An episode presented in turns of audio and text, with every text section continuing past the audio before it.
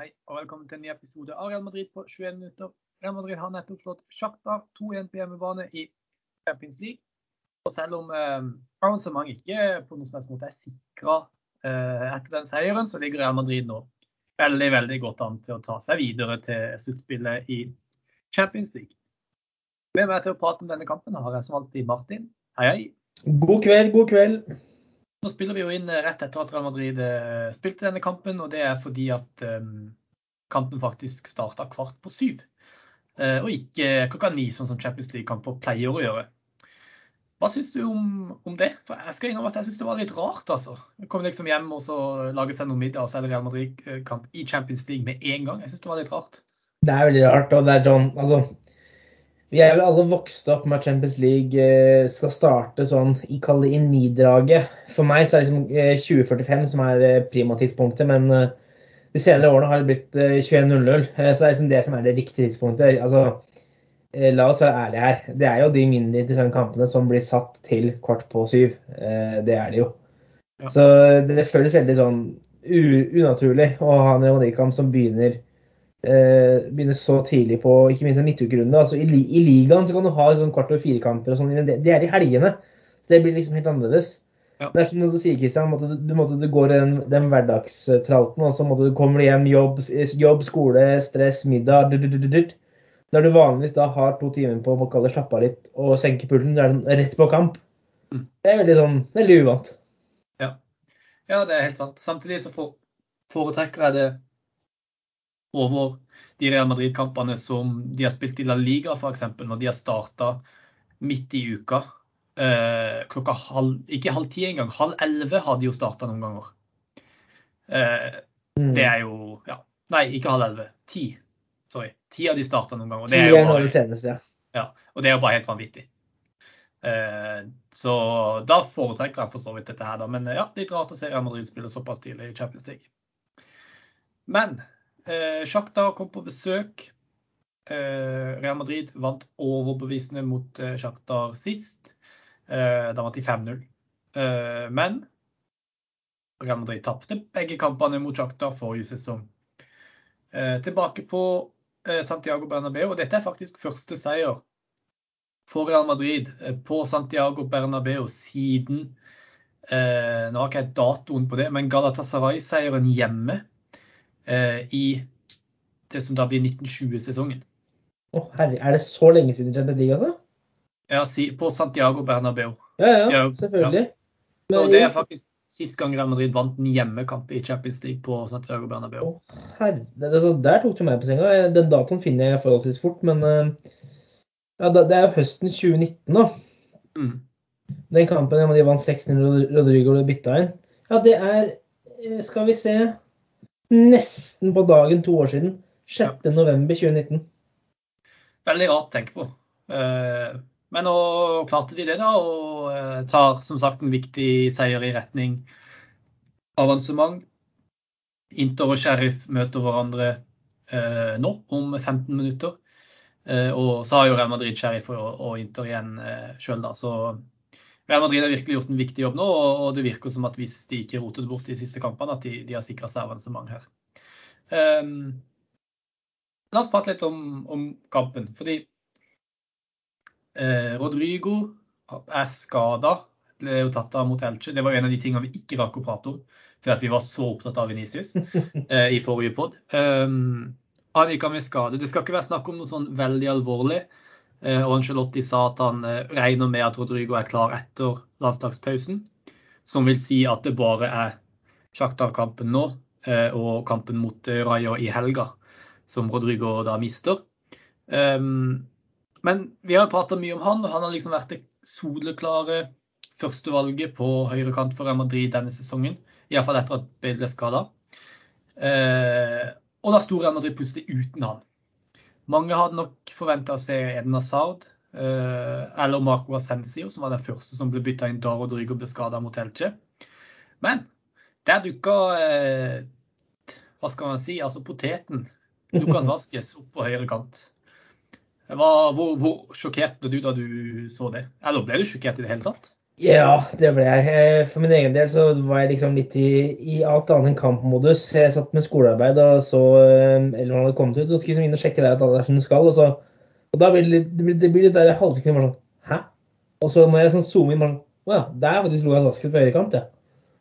Og syns det, det er egentlig veldig rart. Og eh, jeg si, alle som kjenner litt til meg, vet jo eh, hvordan forholdet mitt til Lukas Vasquez har endra seg drastisk. Men det er fordi jeg mener jo at han er for å sette det på spissen, fullstendig ubrukelig som høyrekant. Og så mener jeg at han er mer enn kapabel til rollen som høyreback. Når det er sagt, så ble jo Angelotti spurt om denne, hvorfor han foretrakk ja, da Lucas Vasquez overfor uh, Marco Asensio og spesielt Eden Hazard før kampen. Uh, og da svarte han, det kom egentlig det synes jeg et godt svar, og det er at i det kampklimaet han han forventa i kampen mot Shakhtar, så han forventa egentlig et Shakhtar-lag som da skulle gjøre litt som bl.a. Osasona, med å da forsvare seg tett, eh, tett og dypt. Så ville han ha en spiller som bidro til mer bredde på høyrekanten. Eh, og Der sa han det at både Azard og spesielt Ascencio er, gode, er spillere som er veldig gode kaller innover på små flater. Men der blir det veldig, veldig, eller sannsynligvis det er veldig veldig trangt. Og Da ville han ha en spiller som kunne bidra med mer bredde, og da var Lukas Askis det beste alternativet. Og den, den kjøper jeg sånn sett. Så den tankegangen syns jeg ikke det er så dumt. Men uh, kan ikke se Lukas Vasquez som romanens beste, men gjorde en helt kurant kamp. Men det er veldig rart å se ham fra start på høyre, høyrekant igjen. Det er litt sånn Oi, 2015 ringte og ville ha tilbake høyrevingen sin.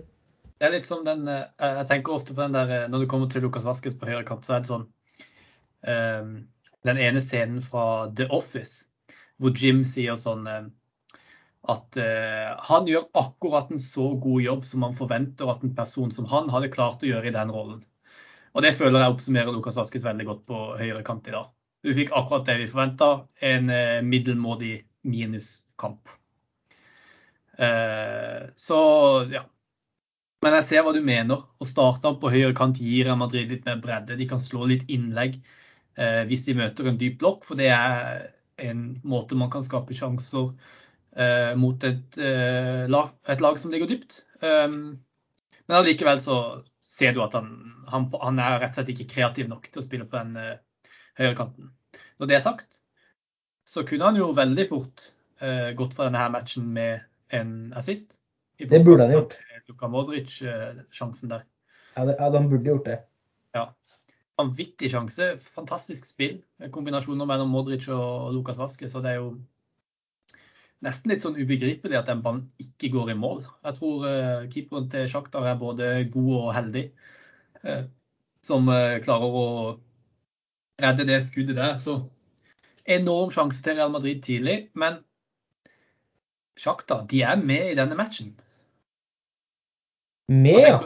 ja. Herregud. Det... Fra begynnelsen av. Ja, ja. Altså, det, er, Real Madrid, det vil si de er best første kvarteret. Eh, men så er det litt sånn når man får den skåringa som man ja, får, i form av at Sjakta somler i forsvar, så er det litt sånn veldig provoserende inntrykk av at ja, det var de tre poengene. Nå har vi én under i kvarteret. Da, da er det bare å legge beina høyt og lene seg tilbake og slappe av. For det så veldig sånn ut. For man ga jo bort hele initiativet. Og um, Altså, du sier Shakhtar var med, men jeg syns man nesten mer kunne si at oi, Real Madrid var jo litt med i kampen. fordi Shakhtar kjørte jo spesielt andre andel av eh, første omgang. Og, og så, så kommer Real Madrid seg mer inn i de andre omgangene, naturligvis. Men altså, Shakhtar overraska meg. Og jeg syns det var litt sånn Forrige sesong tapte man både borte hjemme mot Shakhtar. Eh, det gjør at man reiser til Ukraina for to uker siden eh, med litt sånn Nå skal vi vise dem. Men når man da vinner 0-5 eh, der, så følte jeg at man var tilbake til samme undervurdering som gjorde at man tapte de to kampene forrige sesong. Ja. Eh, det var litt eh, både slitsomt og frustrerende å se på. Og Sjaktar skulle vi helt ærlig hatt Jeg syns man fortjente i hvert fall en scoring til. Og vi snakket litt om det før vi trykka på record-knappen her, Christian. Real Madrid spilte en bedre kamp hjemme mot Sheriff, der de tapte 2-1 i forhold til kampen de spilte i dag mot Shakhtar, der de vant 2-1. Og Det viser jo bare hvor mye holdt på å si, marginer og eh, de avgjørende øyeblikkene er. da, men nei, jeg, altså, eh, Svak kamp på Real Madrid og Shakhtar fullt på høyde, om ikke bedre, i store deler av kampen. Mm. Enig. Uh, ja, det er som du sier, marginer blir liksom avgjør. Det sier litt om den sheriff-kampen også, hvor nær Real Madrid egentlig var. Uh, og altså, definitivt skulle vunnet den kampen, da. Um, og her ser du at marginene kan gå litt i Real Madrids favør også, og det er jo deilig. Men uh, helt, altså, Shakhtar burde egentlig leda til pause, spør du meg. Uh, ja, ja, så positivt var de siste 20 av første omgang. Men hvis vi tar den første skåringa til Real Madrid uh, det er jo, Real Madrid er jo litt heldige. Uh, Venicius får Shakhtar sin midtstopper og uh, gjør et lurt valg med å spille ballen rett til Benzema, som setter ballen i, det, i, i tomt nett. Det var Real Madrid sitt tusende, sitt tusende, det var litt rart, sitt mål nummer 1000 i Champions League-sammenheng. Og da ser jeg noen interessante tall her nå som sier litt om hvor dominante Real Madrid er og har vært i Champions League nå i en årrekke. Eh, for Benzema skåret Real Madrid sitt mål nummer 1000. Andreplass på den lista over flest eh, mål skåra i Champions League er Bayern München, og de har 768. Så går du på de som har flest seire. Der har Real Madrid 270 på førsteplass, selvfølgelig. Og Bayern München har 218. Så ser du på flest kamper. Real Madrid har 455. Bayern München har 366. Eh, og eh, trofeer, eh, den kjenner vi jo alle til. Real Madrid har 13. Andreplass på lista har, eh, har syv, Og det er AC Milan. Altså, vi visste jo at Champions League på en måte er Real Madrid sin turnering. Men når du hører disse tallene her, eh, ja, hva, hva tenker du? Altså, det er jo helt absurd. Eh, få andre ord kan beskrive det, egentlig. Eh, Real Madrid er Champions League, på lik linje med at eh, Champions League er Real Madrid. Og så er jeg såpass barnslig jeg syns det er veldig tragikomisk at uh, f.eks. vignetten til Champions League denne sesongen her da er uten et eneste Real Madrid-øyeblikk, fordi Sefrin fortsatt er forbanna på Superliga-greiene. Bare for å få dratt det inn i her også. Mm. Uh, nei, det, det er helt sinnssykt. Uh, det er egentlig ikke så veldig mange flere måter å beskrive det på. Uh, jeg bet meg å merke at mål nummer 1000 kom i 2021, mål nummer 900 kom i 2017, mål nummer 800 kom i 2013. Så kom det mål nummer 700 sånn i 2007. Og så var det 2003, 2000. Mens der, derfra så var det typ tolv år og ti år eh, gjerne mellom kall det hver hundrede skåring. Det sier, det sier, litt om én, at det spilles vesentlig flere kamper. Men òg at eh, kall det skåringssnittet til Real Madrid, det, det, det, er bare så vanvittig. Og du sammenligner med, eh, med Bayern München her, som ligger stort sett på andreplass. Og hvis man tenker seg tilbake da, altså, over de siste ti årene, har Bayern München egentlig hatt kall det en sånn dårlig årgang. De har jo ikke det. De har ikke hatt et år som Real Madrid i 18-19, som Barcelona denne sesongen her, som Manchester United eh, siden Ferguson dro. Eh, de har liksom ikke hatt noen sånne down-år heller. De har liksom trutta og gått jevnt og, jevnt og fint hele veien. Men fortsatt ligger de såpass langt bak Real Madrid. Det, det vitner om hvilken storhet og maktfaktor Real Madrid faktisk er i Europa. Enten til de som vil like det eller ei. Ja. ja, jeg er helt enig. Uh, vi prater jo mye om at, Real Madrid, at Champions League er Real Madrids turnering, og disse tallene tyder jo ikke på noe annet. Altså Det er nesten 250 mål mellom Real Madrid og Bayern München, eh, som altså da ligger på andreplass. Og Bayern München er virkelig eh, en av Ja, altså de er jo Champions League-historiens nest mest suksessrike eh, lag i, i, forhold til de fleste av disse statistikkene. Um, og Det syns jeg vitner en del om, om Real Madrids dominans i den turneringa, spesielt eh, på 2000-tallet. Eh, og nå har de slitt litt de siste årene, men tenk til og med forrige sesong så spilte de semifinale i Champions League uh, med et lag som ikke er i nærheten av å være så bra som Real Madrid-lag har vært tidligere. Eh, og det vitner litt om at når eh, Champions League-hymnen eh, runger utover eh, enten det er Stadion Fredrik Stefano eller Santiago Bernabeu, så skrur disse spillerne på på en helt annen måte. Selv om, som vi har prata om, i disse kampene her mot lag som Sjakta, så er det ikke alltid de klarer å, skru det på. Men Champions League er en helt spesiell turnering for uh, Real Madrid sin del. Det er det, og så er det litt sånn jeg synes det er litt fascinerende at sånn som i helga så velger man å hvile Karim Benzema, ikke ta ham i troppen engang, for han trenger hvile. Da møter man Elche på bortebane i La Liga.